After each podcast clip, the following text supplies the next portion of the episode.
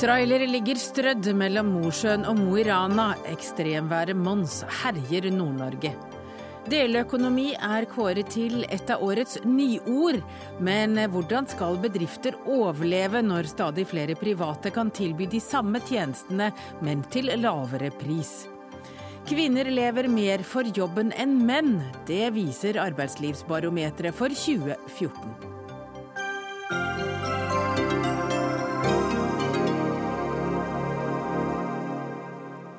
Ja, velkommen til den eh, siste Dagsnytt 18-sendingen i 2014. Jeg heter Hege Holm.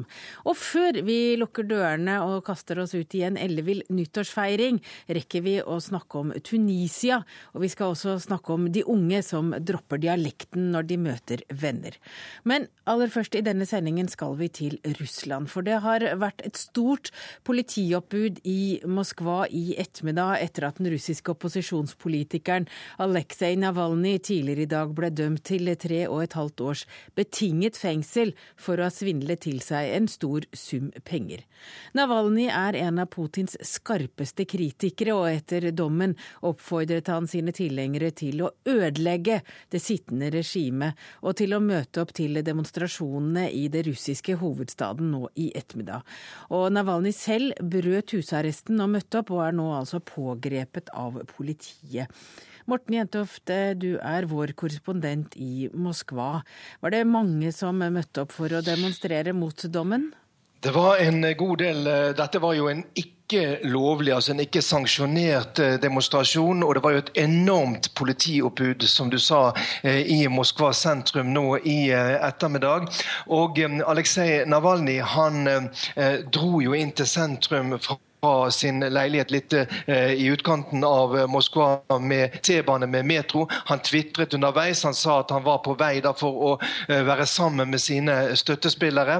Han visste at han med dette brøt den husarresten som han fremdeles sitter i. Han visste at han sannsynligvis kom til å bli arrestert med en gang. Og det gjorde han også når han kom opp bakken på hjørnet mellom Manesplass plassen og eh, den eh, kjente Tverskaja-gaten, så ble han da arrestert. Og også 22 andre av demonstrantene er nå eh, eh, ifølge radiostasjonen Ekko Moskva eh, arrestert. Sånn at eh, det er spent i sentrum av Moskva i dag, men politiet har møtt mannsterkt opp. De sier det dette er er en ulovlig, ikke sanksjonert aksjon, og de vil ikke slå hardt ned på den. og Det ser jo ut som de har gjort også. Men Hva slags dom var det Navalny fikk før i dag? Ja, det var jo formelt da en dom for um, at han har svindlet til seg uh, penger da, uh, i forbindelse med en jobb som da både han og hans bror Alleg har gjort for det franske kosmetikkfirmaet Rachet. Uh, selv sier da dette firmaet her at de har ingenting å klage på, men det var ikke nok. russiske myndigheter har slått hardt ned på dette, mener de at de begge to er skyldige. Men merkelig nok så eller kanskje det finnes jo en naturlig forklaring til det, så lar de da eh, Aleksej Navalnyj få en eh, betinget dom. altså I praksis eh, kan han da settes fri. Han sitter inne for en annen dom. Han har husarrest for en annen dom akkurat nå. Mens hans bror Aleg eh, blir da dømt til eh, tre og et halvt års ubetinget fengsel. og Dette har jo Aleksej Navalnyj selv reagert meget sterkt på. Han sier det at myndighetene med dette da bruker hans familie som gisler i et politisk spill. Og Aleksej Navalnyj gikk jo også også ut på Twitter på vei inn til sentrum av Moskva nå i ettermiddag og sa det at han er nødt til å bruke husarresten. Dette gjelder mer enn politikk, dette gjelder hans egen familie. Ja, Det sitter en mann i studio her også og nikker. Jardar Østbø, du er postdoktor ved prosjektet Nye politiske grupper og den russiske staten ved Universitetet i Oslo. Og, og hva betyr denne dommen for Navalnyj? Det betyr jo først og fremst at han eh, ikke vil ha mulighet til å drive politisk virksomhet på samme måte som eh, han kunne fram til første gang han ble arrestert og satt i husarrest. Eh, og det er jo Han kan ikke møte folk. Han kan ikke Han er rett og slett nødt til å sitte i leiligheten sin uh, uten tilgang til internett, som han har brukt aktivt for å bygge seg opp som opposisjonspolitiker. Um, så det er klart at det hemmer han uh, veldig. Det gjør det. Så han er en uh, vingeklippet opposisjonspolitiker? Ja, det vil jeg absolutt si. og det er ingen grunn til å å tro at eller det er helt klart at hans sterke reaksjon på at broren fikk en strengere dom Ja, for han må da inn og sone? Ja, han må inn og sone, selv om da dommen blir Ja, altså når dommen blir rettskraftig. Og det er også et, et signal, på en måte. Altså en mindre betydelig person i, som, i, nær, i Navalnyjs nære omgangskrets, i hans familie, nærmeste familie, dømmes hardt, mens Navalnyj selv da blir for en, en mye mildere dom, som er gjort for å framkalle denne reaksjonen, rett og slett. Hva slags posisjon har Aleksej Navalnyj i Russland, Morten Jentoft? Han har i dag en, en, en, posisjon som en frontfigur for den gruppa av mennesker som ser på Vladimir Putin, altså den russiske presidenten, da, som eh, en stor fiende av en positiv utvikling av, eh, av, Russland. Men vi skal være klar over det at han først og fremst er et storbyfenomen. Han har eh, støtte, altså Hans aktive støttespillere fins i de store byene Moskva, eh, St. Petersburg. Men eh, hans slagord f.eks. om dette partiet, statsbærende partiet som både president Vladimir Putin og statsminister Dmitrij Medvedev hører til, det forenede Russland, at det er partiet til eh, tyver og kjeltringer, ja, det er et slagord som går hjem hos langt, langt flere. Også de som normalt sier at vi støtter Vladimir Putin. Og han har jo også vist seg som en meget slagkraftig eh, agitator. Han har, valgt, han har, vist seg en, som en mann som kan bruke de moderne mediene, Facebook, Internett, til å komme med avsløringer. Og, eh, sånn at, og, og det at han fikk hele 27% av stemmene ved ordførervalget her i Moskva i 2013, eh, det viser at han er en person som myndighetene i høyeste grad tar på alvor, og kanskje også frykter. Ja, Det er noe jeg absolutt eh, kan eh, slutte meg til. Um, hans eh, Navalnyjs viktigste våpen er internett, men også direkte møte med folk, som kanskje ikke er så, vært så synlige i, hos vestlige kommentater i vestlige medier. For under eh, ordførervalgkampen i fjor så gjennomførte han noe sånt som et hundretalls eh, større eller mindre folkemøter, og regner med å møte kanskje så mye som 1 av eh, velgermassen. Så dette er helt klart en, en politiker som har et veldig stort potensial, både i kraft av sin egen person. Han er karismatisk, han er flink til å manøvrere. Han er politisk eh, spiselig eh, for eh, ganske brede lag, i og med sin Altså at han har bygd seg opp som korrupsjonsjeger, men også altså at, at, han er en, en nasjonalist, en patriot, og, og vet å, å balansere disse, disse forskjellige elementene. Men Jentoft, har Putin noe å frykte nå når han da sitter i husarrest? Og nå, etter hva jeg skjønner, så har jo politiet pågrepet han igjen. Ja, det er jo tydelig at uh, de har noe å frykte når de bruker såpass harde midler som de gjør da mot Navalny. Nå skal vi være klar over at situasjonen i dag i slutten av 2014 er en annen enn i 2013. Putin seiler på en medgangsbølge etter sin mm, politikk med å ta eh, som han sier da, tilbake Krim til Russland, og også eh, den politikk som han også har ført eh, overfor det som han kaller de ukrainske nasjonalistene. Dette er politikk som er veldig populær blant svært mange russere. Meningsmålinger viser jo at rundt 80% av russerne nå har tillit, støtter Vladimir Putin. Men det kan forandre seg når denne nasjonalistiske euforien tar av. Nå ser vi at uh, den russiske økonomien sliter hardt, rubelen sliter hardt. Sånn at uh, ting kan forandre seg i relativt kort tid, og det kan skape rom for uh, Aleksej Navalnyj, selv om han da delvis er vingeklippet nå pga. Uh, denne husarresten og disse rettsprosessene som pågår mot ham. Men dette kan jo også være prosesser som han kan utnytte til sin fordel. Ja, det er jo klart at den eh, milde straffen som, relativt milde straffen som han eh, fikk nå, ble omtalt som faktisk utrolig mild av forskjellige uh, russiske kommentatorer, um, er um, Altså eh, delvis fordi man regimet ikke ønsker å skape et nytt eh, offer, sånn at han kan utnytte eh, offerrollen. Takk til Morten Jentoft og Jardar Østbø som ville være med i Dagsnytt 18 i dag og snakke om eh, hva som har skjedd med Putins opposisjonspolitiker Aleksej Navalnyj.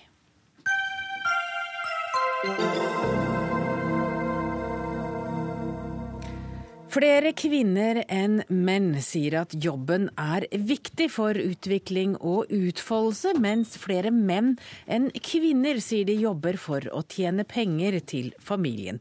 Det viser Arbeidslivsbarometeret som Arbeidsforskningsinstituttet har laget for IS. Og aller først deg, Arild Steen, du er instituttdirektør ved Arbeidsforskningsinstituttet ved Høgskolen i Oslo og Akershus. Eh, hva forteller svarene om forholdet mellom arbeidsliv og og kjønnsforskjeller? Det forteller ganske mye. Først og fremst at eh, eh, kvinner er mer tilbøyelig til å svare at jobben har en egenverdi framfor penger, enn menn. Riktignok er det ikke store forskjeller, men eh, forskjellene er statistisk pålitelige, og vi har målt dem over fem år. Så tendensen er veldig klar.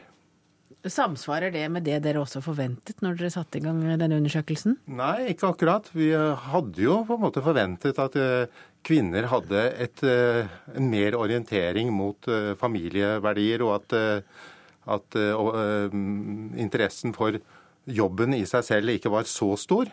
Og så er bildet akkurat motsatt. Og det er ganske interessant, fordi vi finner bildet er Eh, vi finner dette mønsteret, at kvinner er mer opptatt av jobbens egenverdi, eh, uavhengig av bransje og uavhengig av eh, lederposisjon. Så det samme gjelder for kvinnelige ledere som kvinner som jobber på gulvet? Ja. Jørgen Lorentzen, du er mannsforsker, eh, og de fleste som har svart på denne undersøkelsen, svarer jo at de jobber for å tjene penger, da, bare for å ha sagt det. Men av de som da sier at det er viktig for eh, utvikling og utfoldelse, så er det altså nesten dobbelt så mange kvinner. Eh, hvorfor tror du at det er slik? Jeg vil jo først si at Det er viktig å se på tallene. For det er jo 23% kvinner mot 13% menn som svarer at jobben er utviklende. Dvs. Si at det er omtrent 80% av kvinnene og 90 av mennene da, ja, som jobber for penger. Som jobber for penger. Eh, og at mennene svarer sånn, er egentlig ikke så veldig rart. For menn, altså i de siste 100-150 år, så har det å få seg en jobb for å tjene penger Altså Da kan man nesten si revne hvilken jobb det er.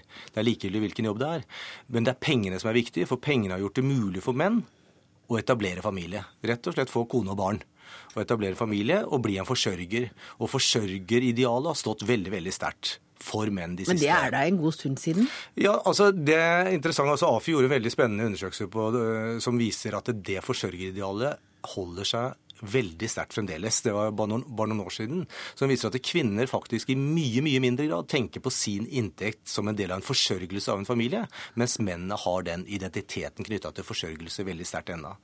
Det, så det har ligget der siden slutten av 1800-tallet, og det er nok uh, hvile over menn fremdeles. Så, så skal man huske på at det er menn som tar mange av drittjobbene uh, i dette samfunnet. Mye av de harde, tøffe arbeidsplassene er mannsarbeidsplasser, og der er ikke mye muligheter for utvikling heller. Så derfor bør de tjene bra. Ja, Margunn Bjørnholt, du er sosiolog, du er forsker og daglig leder i Policy and Social Research. Eh, jobber du for å utvikle deg og ha det gøy?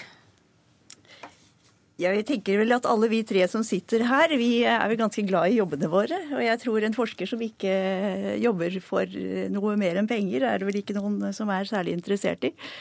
Men, men hva tror du er grunnen til at det er flere kvinner som sier at de lever for jobben?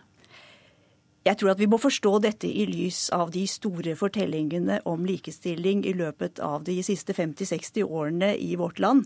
Da har jo kvinnefrigjøring vært veldig nært knyttet til det at kvinner skulle ta lønnsarbeid. Så lønnsarbeid var det stedet kvinner skulle realisere seg selv, og motsatt. Så var jo familien det stedet hvor menn ble forventet å skulle realisere seg selv. Så det var jo bevegelsen ut i lønnsarbeidet som skulle frigjøre kvinner.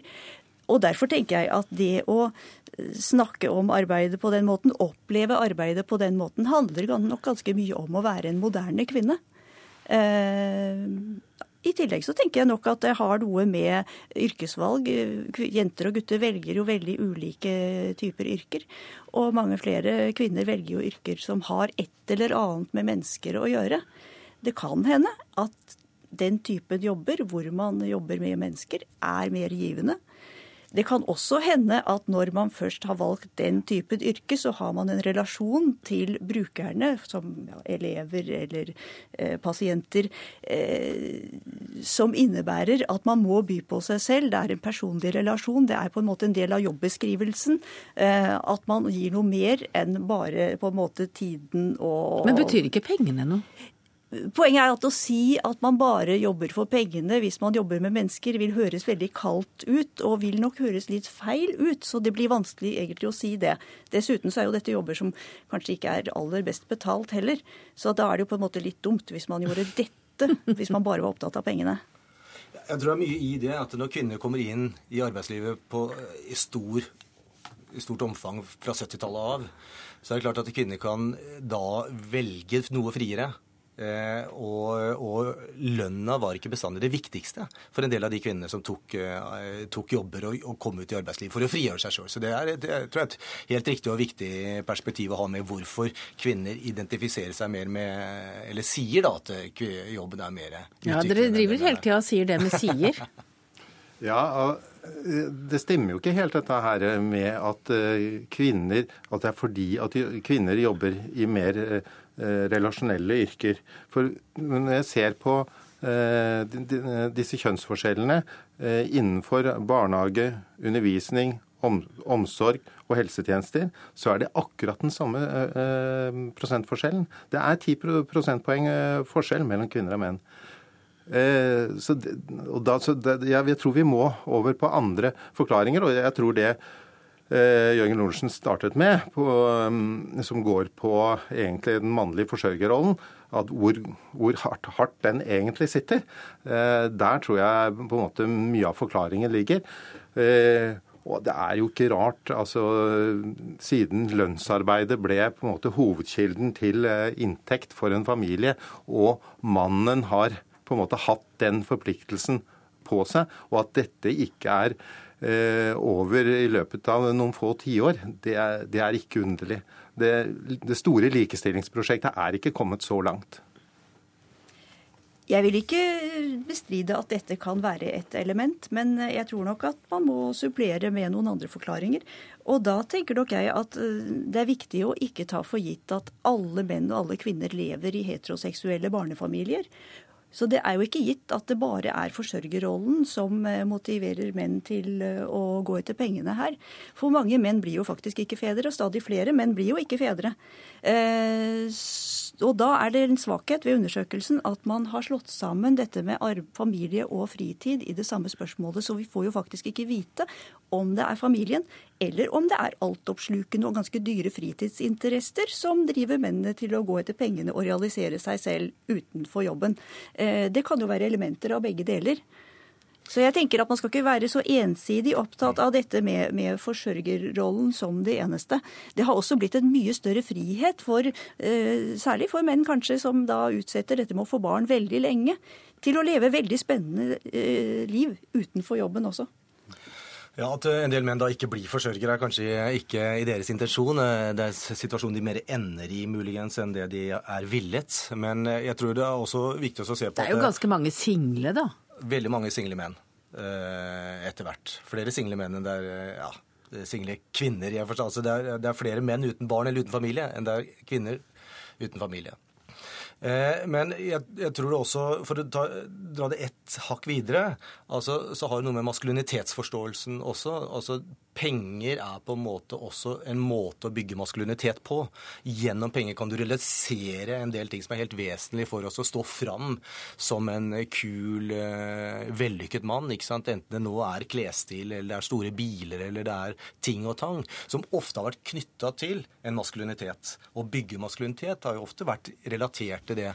Å bygge hus, familie, stor bil eller andre måter å vise seg fram på. Da. Og det er jo penger som er veien til denne form for maskulinitet. Du har kanskje ikke fått med deg hvor dyrt det er med en håndveske av det mer moderne slaget? Nei, jeg har eh, sett det nå at det er det, så kvinner kommer vel etter her. Eh, men Arild Sted, når dere lager en sånn undersøkelse, hvordan forhindrer dere at deltakerne svarer det de syns de bør svare? Det kan vi jo ikke forhindre. Eh, og det kan godt være, som Margunn Bjørnholt var inne på, at kvinner er mer på en måte korrekte i sin svargivning. Eh, fordi de er, har en tendens til å være mindre materialistiske når de svarer, og litt mer ideelle. Eh, så vi kan ikke forhindre det. Men det som er interessant, er at vi har stilt dette spørsmålet i fem år nå til over 9500 arbeidstakere. Og vi får det samme mønsteret. Og det er ikke sånn at eh, de 80, 80 faktisk eh, legger mest vekt på penga. Det er sånn at 25% legger mest vekt på penga. Eh, 28% er nøytrale, og 44 eh, legger vekt på arbeidet som egenverdi. Så det er jo en ganske positiv undersøkelse også, som viser Eh, på en måte at eh, arbeidet betyr utrolig uendelig mye for svært mange. Takk til deg, Arild Steen, instituttdirektør ved Arbeidsforskningsinstituttet. Takk også til mannsforsker Jørgen Lorentzen og sosiolog Margunn Bjørnholt.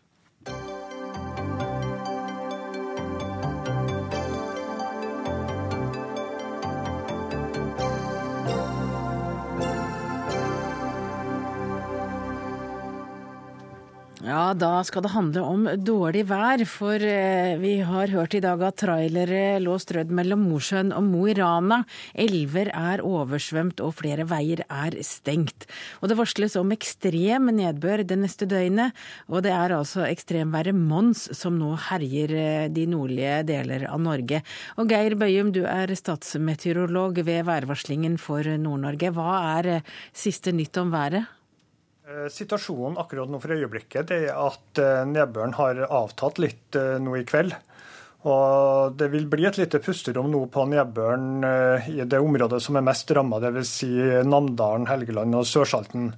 Men fra utpå natta så vil nedbøren igjen øke, og det vil bli minst like mye nedbør i morgen for det området som det har vært i dag.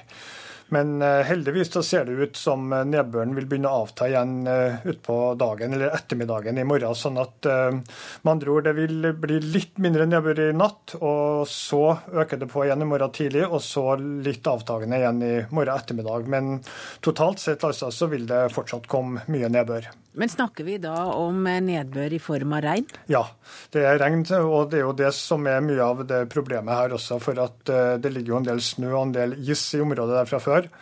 Og det regnet som er kommet, det er jo regn faktisk eh, også i høyfjellet akkurat nå. Og det fører til at det vil, eh, i tillegg til store regnmengder, vil bli en del, overs, en del snøsmelting, og dermed også kan det bli eh, oversvømmelse i enkelte elver og bekker, også pga. is eller isgang og ispropper i elva. Hvilke områder er mest utsatt? Det er det, det området som har fått mest nedbør hittil, det er eh, Helgeland og også ytre deler av Sørsalten. Eh, jeg ser at på de observasjonene vi har fått, så er det i hvert fall fram til morges var det Lurøy som ligger eh, på kysten av eh, Nord-Helgeland som har fått mest, med 65 mm på 24 timer. Og det har fortsatt med omtrent samme intensitet i dag. Og samtidig så ja, ytre deler av eh, Helgeland og ytre deler av Namdalen, kan vi si, pluss uh, også et lite område i Sørsalten som har fått mye. Så, så i hele tatt ytre deler er vel det mest ramma området. Men kommer ekstremværet Mons til å flytte seg? Det kommer ikke til å flytte seg, men det vil variere litt i intensiteten fremover. Som sagt så vil det bli mindre nedbør no, noen timer fremover før det, tar, tar, tar løs igjen skikkelig i løpet av natta. Da, i morgen formiddag. Men det er det samme området som vil bli verst ramma. Nå ser det ut som nedbøren forflytter seg nordover gradvis utover morgendagen, sånn at også Ofoten og Troms vil få en god del nedbør, men ikke ekstreme mengder da, i løpet av morgendagen. Anne Britt Leifseth, du er avdelingsdirektør for skred og vassdrag i Norges vassdrags- og energidirektorat. Hva er spesielt med dette ekstremværet?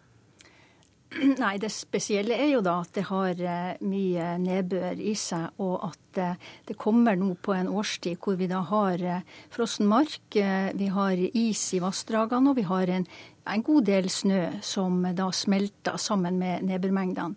Og dette da, eh, kan skape ganske store flomsituasjoner og, eh, og skader. Ja, For det vannet jo ikke har noe sted å gå, eller det har ikke noe jord å trekke seg ned i? Nei, det er nettopp det. At eh, du, har ikke de, eh, du har ikke den infiltrasjonen du ville kunne ha i en barmarkssituasjon. Og så får du da kombinasjon av snøsmelting. Men hvordan kan du forberede deg på et ekstremvær som dette? Nei, Det viktige er jo at eh, når NVE sender ut et varsel, så er det viktig at beredskapsmyndighetene lokalt og, og regionalt er oppmerksom på dette eh, og gjør sine foranstaltninger. Fordi at eh, det er jo nettopp det som er noe av hensikten med å sende ut varsel, at samfunnet skal kunne gjøre seg beredt. Men hva kan man gjøre? Jo, altså, man må jo, man må jo følge situasjonen. Og, og, det som er viktig, er å prøve å holde vannets frie veier åpen, sånn at eh, vannet kan ha plass og, og, eh, og, og ta, ta, vei. Eh, nå er det krevende også fordi at det er frossent. Det kan være frossent både i, i rør og underganger osv. Men da er det viktig å prøve å få gjøre så godt arbeid som mulig. Og vi har jo sett i, i media at en del kommuner nå er ute og gjør en bra jobb for å kunne holde, holde vannveier oppe. Men hva slags ødeleggelser kan man jo bare regne med? Jo, men det er jo da oversvømmelser og, og, og verdier som altså når hus og, øh, og bygninger øh, og heim øh, blir oversvømt og du får skader. Men i tillegg er det jo det at du får stengte veier. Bruer kan gå i forbindelse med isgang som, som tar bruer. Og ras, selvfølgelig. Sånn at samferdselssystemene blir berørt. Men også hus og heim kan jo gå i, i, i skredulykker. Forventer dere mange skred i de områdene som Mons ennå herjer? Ja, nå har jo vi et, eh, både et flomvarsel og et jordskredvarsel på nest høyeste nivå på oransje. Eh, og det er et, eh, et, alvorlig signal til beredskapsmyndighetene om å være, ta sine forhåndsregler. Så i det ligger det jo at ja, det kan komme en, en god del skred, ja. Men du snakker om jordskred, men hva med alminnelige snøskred fra fjellsider? Jo, altså eh, i dette jordskredvarselet vårt så ligger det også eh, det vi kaller sørpeskred. Altså når, når snøen blir så vannmetta som den kan bli nå i denne situasjonen, så kan det lett gå det vi kaller for sørpeskred. Så det, det er snakk om veldig mye snø, vann og is. Eh, og vi har jo en snøskredsituasjon som, som vi har hatt Eh, spesielt i dag eh, og tidligere. Og den strekker seg jo fra eh, Lyngsalpene og sørover i, i, mot Trøndelag. Ja, det er, det er et langt strekk. Ja, og, er det fare for at noen må evakuere? Eh, det, det, vi følger situasjonen nøye, og, og, beredskapsmyndighetene lokalt følger også situasjonen eh, nøye. Og det, En beredskapssituasjon det vil jo være politiet som tar en, en, avgjørelse på det. Det kan man ikke utelukke, så man må følge med hele tida. Men på snøskredvarselet så ser det ut nå som at uh, dette milde været endrer snøens beskaffenhet, sånn at snøskredvarselet vil bli nedskalert. Det er nå en god nyhet. Det er en god nyhet. med Geir Bøyum, fortsatt meteorolog. Når kan vi si at det er normalt igjen? Eh, det vil eh, stabilisere seg i løpet av eh, onsdagen. Det, blir en kort periode første del av onsdag som vil få veldig intens nedbør. Altså, nedbøren er ikke over i morgen ettermiddag, men den vil begynne å avta igjen da. og Da ser det ut som det også blir kaldere etter hvert, og, og dermed det er litt mer normal situasjon. sånn at jeg regner med at ekstremværet Mons er over i løpet av et stykke utpå onsdagen. Og onsdagen er i morgen, ja, for de som har gått litt sur i dagene. Ja pga. romjula. Takk for at dere kunne bli med i Dagsnytt 18 i dag, Anne Britt Leifseth og Geir Bøyum.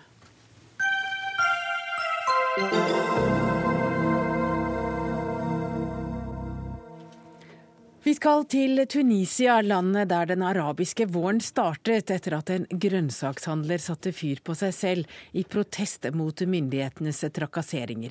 Tunisia har nå avholdt sitt første presidentvalg etter revolusjonen i 2011, og resultatet er klart. Det bekrefter at den 88 år gamle Beshi Kaid Esebesi blir landets nye president. Og Ragnhild, Jonsrud Sorgati, du er førsteamanuensis ved Institutt for kulturstudier og orientalske språk ved Universitetet i Oslo, og du forsker på Tunisia. og Du har til og med bodd der. Nå må du forklare, eh, hvorfor har det gått så bra med Tunisia? Hvorfor blir det fremhevet som et av de landene som har taklet demokratiseringsprosessen i regionen? Det første man kan si, er at de har en godt utdannet befolkning som på mange måter var klar for en demokratisk utvikling.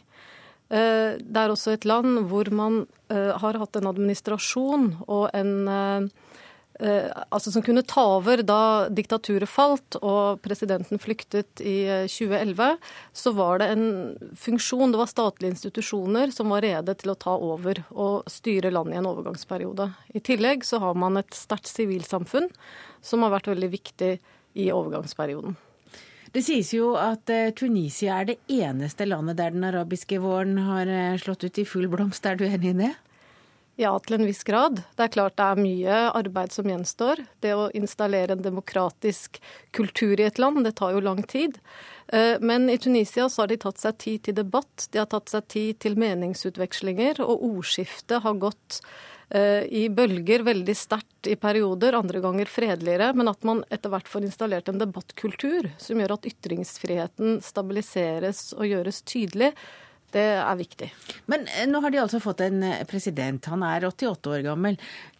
Tror du at Esepsi er en bra mann for, for landet? Hva jeg mener i det spørsmålet er ikke vesentlig. Det vesentlige er at det var 55, litt over 55% av tunisere som valgte ham. Eh, og når de valgte ham, så tror jeg noe av forklaringen er at eh, han har kjørt en valgkamp hvor han har snakket om stabilitet og erfaring. Eh, og han har også snakket om at det, altså styret under islamistregjeringen, som satt fra 2011 frem til nå, eh, har han snakket om som et vannstyre. Altså at økonomien har gått dårlig, de har ikke klart å holde eh, sikkerhetssituasjonen under kontroll.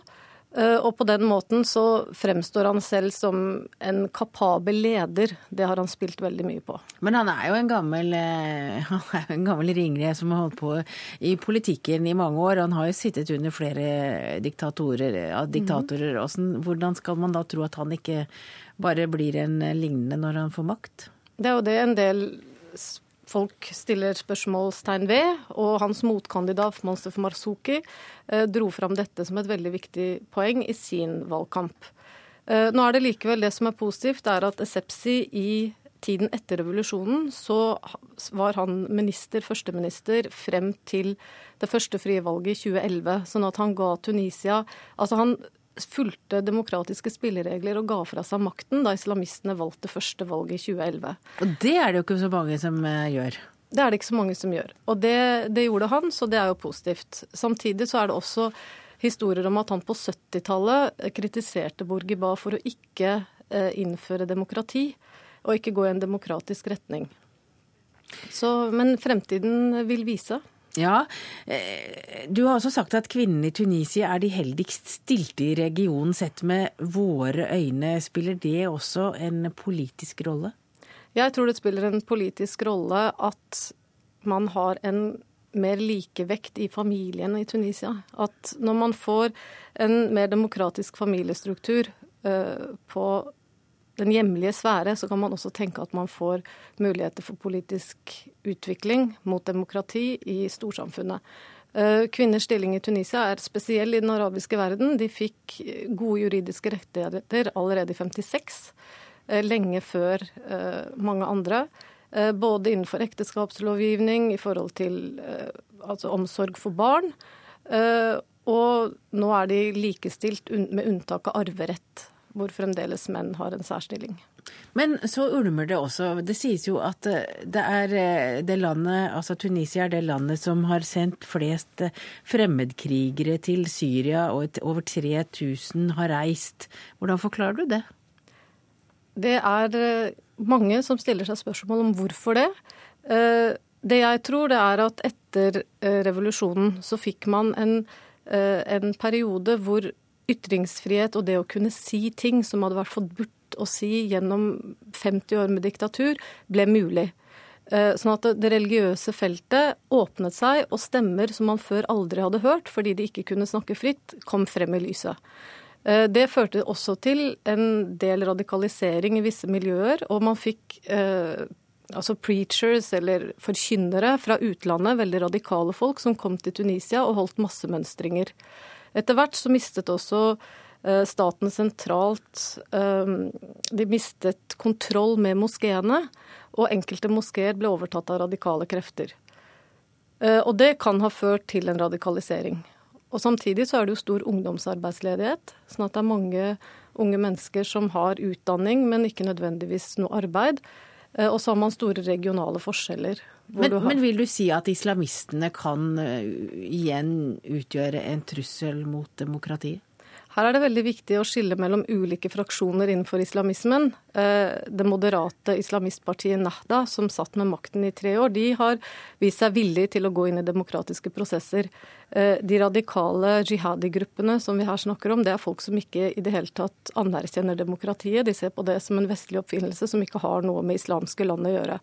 Men det er snakk om helt marginale grupper i det tunisiske samfunnet. Tusen takk, Ragnhild Jonsrud Sargati, for at du ville komme til Dagsnytt 18 i kveld og snakke om Tunisia. Takk.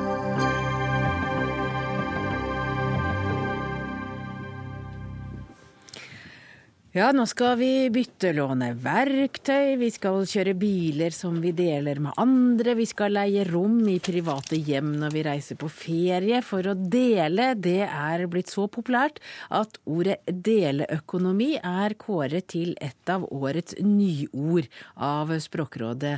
Og Arne Krokan, du er professor i sosiologi ved NTNU, og du er også forfatter av boken Nettverksøkonomi. Eh, hvorfor er det plutselig blitt populært å dele? Plutselig så har vi teknologi som gjør at vi kan vise fram hva vi, hva vi kan dele til hverandre på veldig enkle måter.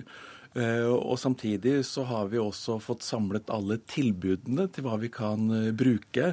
Eh, F.eks. alle boligene vi kan leie eller, eller leie ut. De er da samlet på ett sted. Så det er veldig enkelt å bruke dette her.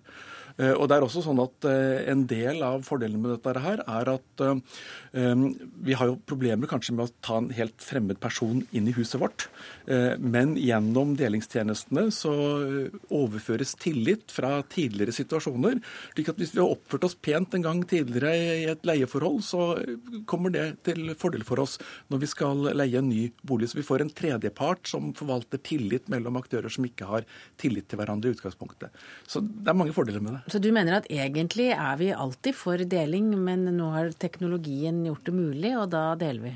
Ja, har, Hvis vi går tilbake i tid, så har vi jo delt. altså Dugnad er jo et fantastisk norsk ord. Det handler om å dele på oppgaver og hjelpe hverandre. Og delingsøkonomien tar jo dette tilbake igjen på en måte, fordi at nå deler vi på nytt.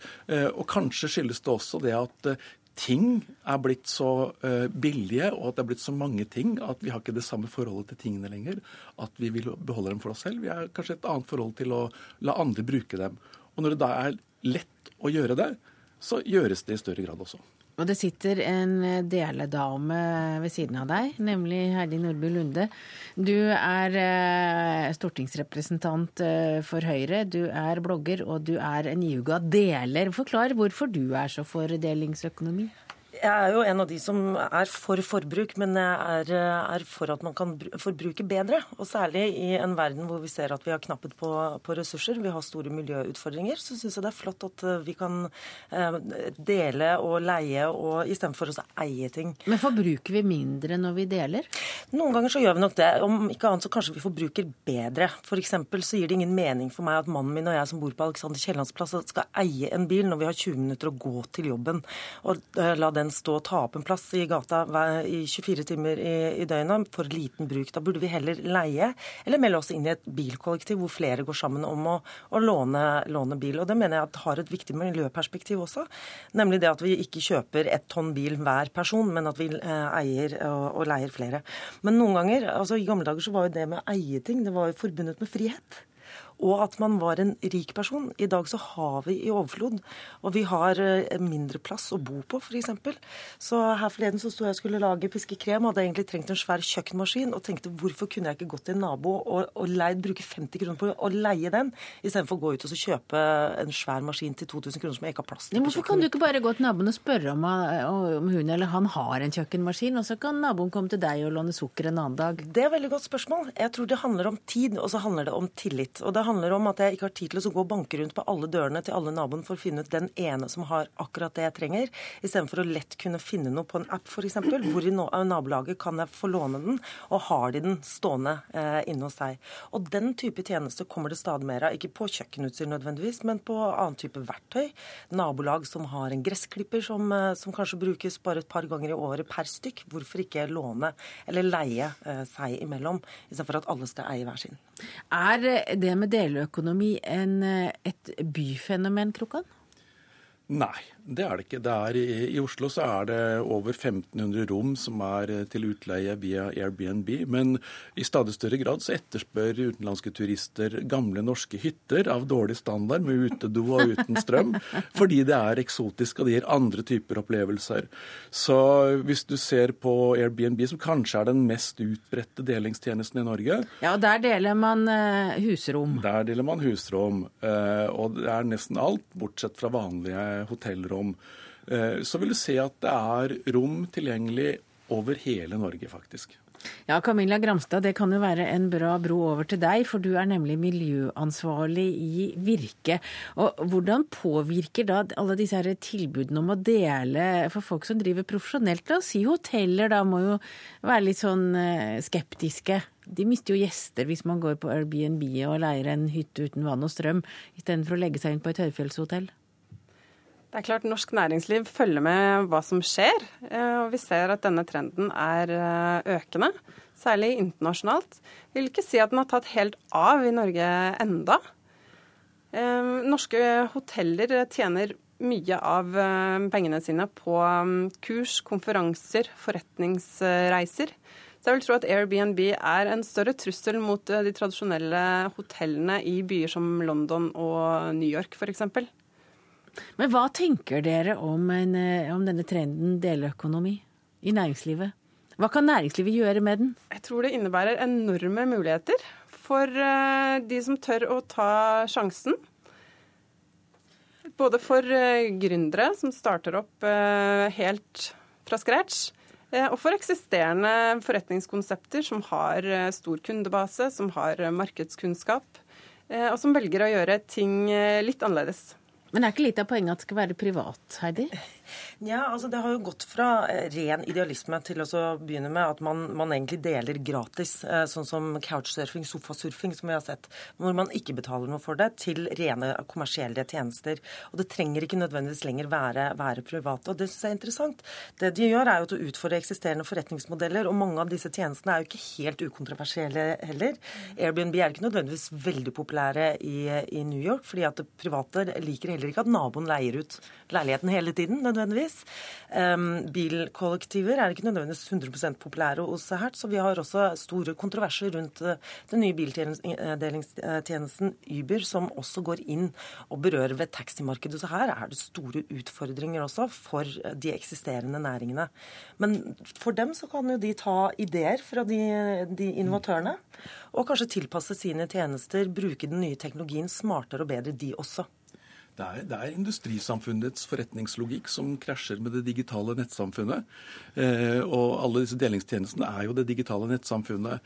Det er en grunn til at man eh, utstedte privilegier til de som drev transport i gamle dager. Det var jo for at de skulle eh, kvalitetssikre tjenestene og sørge for at det var transport tilgjengelig på steder hvor det ikke var forretningsmessig grunnlag for det, eller på tider hvor det ikke var så veldig morsomt å sitte i drosjen og vente på om noen skulle eh, ønske en tur. Og kanskje trenger vi ikke den type tjenester lenger. Kanskje er det slik at teknologien har gått forbi oss. Og kanskje er det sånn at nye digitale tjenester kommer til å erstatte flere av, av, av, de tjenestene som ble bygd opp gjennom industrisamfunnet. Eh, både på reiseliv, eh, transportsektoren, men også på ting som har med forbruk og konsum å gjøre. Heidi kan f.eks. leie kjolene sine på Girl Meets Dress. Eh, eller du kan leie ut dine kjoler hvis du ikke bruker dem ofte nok. Heidi nevnte gressklipper som, eh, som, eksempel, og det syns jeg er et veldig godt eksempel. Har, eh, mange har en gressklipper som står ubrukt store deler av tiden. Eh, og her er det jo muligheter for å tilby gressklippertjenester, f.eks. Har vi egentlig lyst til å klippe gresset selv? Hva med å kjøpe de tjenestene? Virkes tall viser jo også at vi, veksten i varehandelen flater ut, og vi bruker større del av inntekten vår på tjenester. Ja, så kanskje det, er, eh, kanskje det er der pengene går. Altså det vi sparer på å dele, det bruker vi istedenfor å få andre til å gjøre jobben for oss? Ja, altså Det utvider jo også de markedene som, som, eksisterer. Det er mange tjenester jeg også savner i Norge. Jeg har funnet I Storbritannia så finnes det tjenester for de som har ekstra kjellerbodplass, som da kan leie ut til de som trenger ekstra kjellerbodplass. Der kjenner jeg gubben og jeg har en utfordring som vi gjerne kunne tatt med oss inn i nabolaget. Du har de som har store eiendommer eller grøntområder som de ikke klarer å pleie, og så har du de som har ønske om å ha grønne fingre og har lyst til å pleie, som da får låne av disse eiendommene. Det er mange av den type tjenester som jeg tror er med på å gjøre verden vår litt bedre. Vi får brukt ressursene smartere. Og ikke minst så kommer mennesker i kontakt med hverandre på en helt annen måte. Noen av de jeg kjenner som leier ut rom i Oslo via Airbnb, sier jo at eh, hvis ikke de har råd til å dra ut i verden, så kommer verden også faktisk hjem til dem. Så jeg mener at her er det både miljømessige besparelser vi kan gjøre, men også menneskelige relasjoner som vi kan bygge på tvers av eh, både land og kulturer. Ja, Krokan, du, du, du følger jo også godt med. Hvor tror du dette tar av hen? Nå er dette et nyord, deleøkonomi, i 2014. Hvis vi da ser fem år fram i tid? Jeg tror dette kommer til å vokse, og etter hvert som stadig flere mennesker ser fordelene med det, så kommer vi til å bruke det på, på flere områder. Eh, ta en ting som Airbnb f.eks. I, I store byene så sliter ungdom med å komme inn på boligmarkedet. I Oslo så er det ungdom som tjener 100 000 kroner i året på å leie ut ett eller to rom i en leilighet de disponerer. Og det forrenter faktisk en kapital på 3, 3 millioner kroner.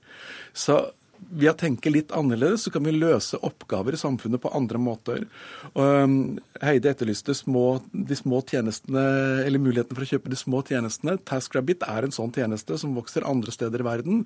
Så jeg tror at når vi bare får øynene opp for det, så vil den type tjenester vokse hos oss også. Men jeg tror at disse tjenestene har hatt en driver i, i, resten av Europa og i USA som man ikke helt har sett i Norge ennå, og det er nemlig økonomi. Med en gang man legger økonomi bak det, og at man har et sterkt behov for enten tjene penger eller, eller um, spare penger, så vil man bruke den type tjenester mer. I Norge så har vi liksom hatt nok penger og hatt nok med oss selv. Dersom økonomien i Norge nå er, strammer seg noe til, så vil nok flere være villige til å gjøre mer for å spare penger, og kanskje også tjene litt ekstra ved å leie ut eller låne ut ledig kapasitet. Det ser man på Airbnb i San Francisco, fordi der er gjennomsnittsinntekten til de som leier ut via Airbnb, det er lavere enn gjennomsnittsinntekten generelt i, i, byen. Slik at Der er det helt tydelig at mange bruker dette til å spe på sin egen husleie, betale sin egne leier. Men så vil jeg jo tro det kommer apper som vil konkurrere med hverandre, og så vil altså det vil jo lage nye markeder og, og nye forretningskonsepter. Ja, men jeg tror mange av de eksisterende eh, bedriftene også tar, tar til seg. F.eks. Hertz som har begynt med egne bilkollektiver. Eh, F.eks. hoteller som har begynt å kjøpe leiligheter som de eh, leier ut i forbindelse med hotellene. Så de begynner å leie ut og, og lære av de innovative tjenestene. Integrerer de inn i sine egne. Så kan godt hende at de vi så først, kommer til å dø først også. Det er klart Norsk næringsliv vil tilby forbrukere det forbrukere har lyst på. Eh, så her tror jeg vi vil se en oppblomstring av eh, mange nye konsepter eh, i årene som kommer. Det jeg håper vil skje, er at vi ikke, at vi ikke får en sånn sutresituasjon framover, hvor de som eh, har eh, dominerende roller i sånn som transport- og reiselivssektoren, eh, blir mer opptatt av å forby det nye enn av å utvikle sine egne forretningsmodeller og innovative tjenester. Det er vel kanskje en fare. Og så sender jeg et lite vink til politikerne her, og få politikerne til å ta tak på en måte som gjør at vi kan få tilpasset lover og reglementer, slik at vi kan bygge gode tjenester rundt delingsøkonomien. Det har i hvert fall ikke vært mye sutring i dette studio. Takk for at dere kom, Arne Krokan, Camilla Gramstad og Heidi Nordby Lunde.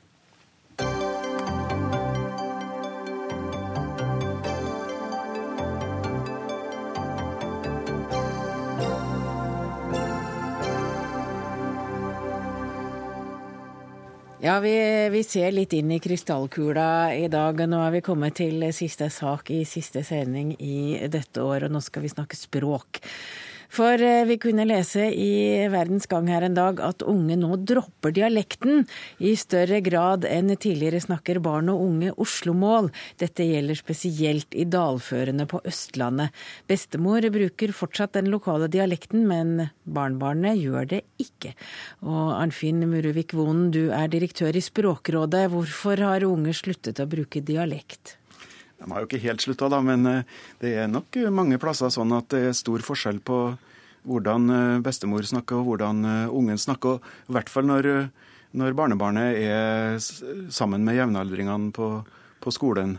Så det er det er mange barn som, som, kan veksle ganske lett fra det bestemorspråket til, til det mer Oslo-lignende språket. Da. Men vi har jo hørt at veldig mange barn eh, leker på bokmål, for det har de sett på TV. Mens de snakker eh, dialekt eh, sammen. Men nå er barne-TV-språket tatt helt over? Ja, det kan du si.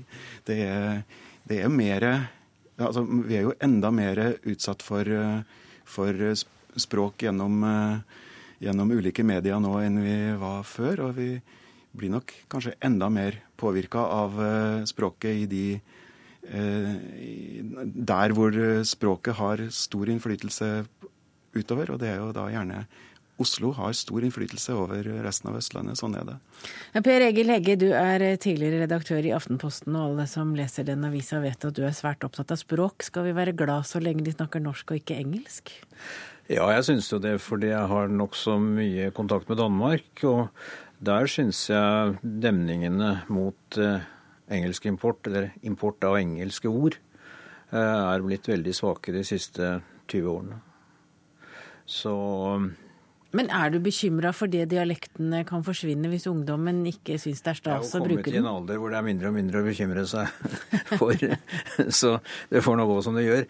Men, men eh, Eh, jeg husker jo fra mine barneår at min lillesøster hun eh, lekte med dukkene og venninner på bokmål. Og det var jo lenge før fjernsynets tid. Jeg vil ikke fortelle hvor gammel hun er, men det er, Så det, det, var Det forekom nok da også. Eh, men ellers så snakker de jo dialekt der hvor jeg kommer fra. Ja, for du er jo en godt skjult trønder. Hva skjedde med din dialekt? Da jeg kom til Oslo, så tenkte jeg, det er 55 år siden i disse dager, så tenkte jeg at et så greit språk som trøndersk måtte alle forstå. Og så gjorde de ikke det. Og jeg var da under utdannelse til tolk, og det er, det har ikke noe særlig poeng å tolke hvis ikke de du tolker for, skjønner hva du sier. Så jeg gikk over til normert bokmål for å bli forstått, og, eh, og det med den trønderske intonasjonen er jo der, heldigvis. Men, men eh, jeg snakker jo trøndersk når jeg er nord for Dovre. Eh, og får gjerne da høre at snakker bra dialekt, men du snakker sånn som bestefar min gjorde. Han døde for 20 år siden. Altså. Liv Signe Navarsete, du er tidligere Senterpartileder, og du eh, har ikke lagt av deg dialekten. Blir du forstått? Ja, jeg tror det blir ganske tydelig forstått. Eh, jeg får vel heller tilbakemelding på at jeg er for tydelig av og til. Så jeg tror ikke det er så vanskelig som jeg frykta når jeg eh, begynte i rikspolitikken da i 2005 som statsråd. Eh, da kjører vi ned i Hallingdal, husker jeg, og mannen min, og jeg skulle oppnevnes dagen etterpå. og Da sier jeg til henne at det er to ting du skal passe på.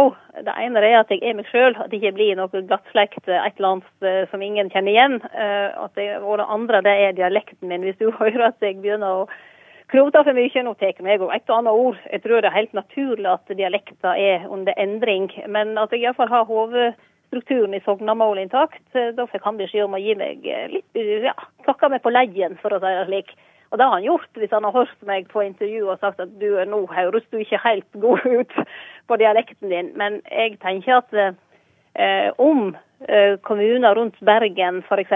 da snakker mer bergensdialekt, eller om inntrønderne snakker litt mer fintrøndersk, er jo ikke det vesentlige. men vi har jo fire hoveddialekter. ikke sant? Det er det vestnorske, det nordnorske, Eh, østnorske og sørnorske. Så har vi òg innlandsdialekten. Og det er vel kanskje den siste som er mest utsatt nå, altså dalstrøk i, eh, i østlandsområdet. Jeg må jo si at Sognamålet eh, høres ut for meg å være blomstrende blant ungdommene her. Og det er jo flott når slik som Tove Damli og andre profilerte unge bruker dialekten sin. For da gjør det kanskje at en blir litt eh, mer opptatt av det i ungdomsflokken. kanskje. Ja, Så dine barnebarn eh, leker ikke på bergensk eller østnorsk? Jo, jo, jo. Ja, selvsagt gjør de det. Jeg har ei lita jente på fire år som jeg er mormor til, og hun er like hard på bokmålsdialekt når hun leker som mine unger var, når de var i den alderen. Da, og da, Jeg veit ikke, men det er nå en, en, gang slik, tror jeg, landet rundt, at det da blir påvirka av, av barne-TV. Og i dag er det jo mange andre medier enn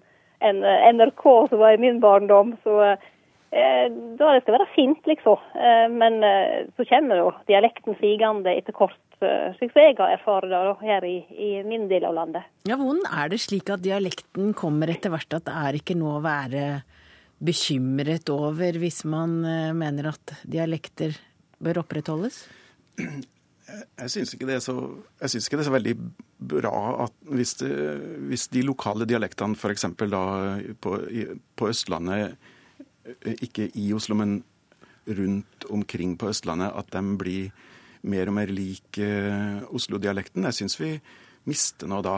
Uh, jeg syns det er selvfølgelig er fint at, at, vi fortsatt har flere hoveddialektområder i, i Norge, men, men jeg syns nå at også den store og rike variasjonen vi har hatt eh, på Østlandet, er verdt å ta vare på. Ja, og Da snakker vi om Hallingdal, vi snakker om Gudbrandsdal. Jeg vet ikke, Kanskje snakker vi om Vest-Telemark? Ja, det vi snakker om i grunnen hele, hele Østerdal. Mm. Og det blir det til sammen, så har alle til slutt fått uh, Østfold-L-en. Ja, ja det, det, er en av de tingene som sprer seg, ja. Men det er Eh, det er litt rart, egentlig, at, eh, at forskjellene mellom dialektene blir mindre, samtidig som aksepten for dialektene blir større.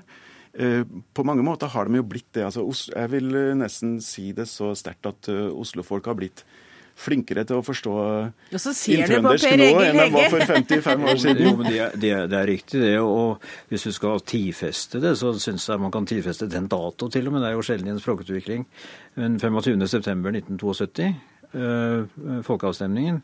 Altså etter det nei-et så ble det mye bredere aksept for dialekter. Så hvis jeg hadde kommet til Oslo 15 år senere, eller altså vært født 15 år senere, så hadde jeg antagelig snakket, eh, eller prøvd i hvert fall å snakke et moderert trøndersk. Men hvis jeg, hvis jeg modererer min inntrønderske dialekt og legger den nær eh, trondhjemsk, eh, så har jeg en forferdelig følelse av å knote. Så, så da, da, vrir virkelig ryggraden og magen seg når jeg prøver på det. Kan jeg få stikke inn noe på telefon her, eh, programleder? For jeg, må jo ikke oppfatte meg dit hen at jeg eh, mener det er greit at vi nå sitter igjen liksom med nordnorsk, trøndersk, vestnorsk og østnorsk. Jeg, eh, jeg er veldig opptatt av at vi skal ha dialektene. For det er det som er mangfoldet i Norge. Det gjør Norge spennende. Og det å høre dialekter fra ulike deler av landet, og kanskje tenke litt hvor kommer denne personen ifra, at det gir identitet og det gir altså mangfold eh, til landet vårt. Akkurat som mangfold er viktig på andre områder, så er jo mangfold òg viktig i Språk-Norge. Og, og det bør vi jo gjøre det vi kan for å stimulere. Eh, samtidig som vi må kanskje akseptere at det er sterkt press, iallfall i, i deler av landet, mot å, å normalisere det. Og jeg er ikke helt sikker på om vi kan gjøre politiske vedtak i alle fall, for, for å opprettholde dialektene. men men at mange av oss er flinke og bruker dialekten og gjør, folk stolte av den dialekten de har, det tror jeg er viktig. Og det er ikke lenge siden vi hadde sagt, det var i forrige uke, om at nå bruker man mer og mer dialekt i reklame. Så jeg vet ja. ikke, hva sier Språkrådet? Jo, altså, eh, det er veldig Vi er egentlig veldig eh, heldig stilt her i Norge nå, kanskje fra 1972 av, eller når det var, at det er stor aksept for dialektene. Det er lov å bruke eh, lokale dialekter i alle sammenhenger, eh, stort sett. Og det er det betyr at det er lav terskel for å få være med i samfunnsdebatten. Det er et bra demokratisk poeng. Lottovinnere bor jo alltid i Verdalen, vet du. da fikk Per Egil Hegge siste ord i denne debatten. I denne sendinga, som er den siste sendinga fra Dagsnytt 18 i år. Og ansvarlige for sendinga, det var eh, Berit Ytterhus, og det tekniske var Finn Lie. Jeg heter Hege Holm, og vi høres igjen på fredag, men før det får alle ha en riktig god nyttårsfeiring.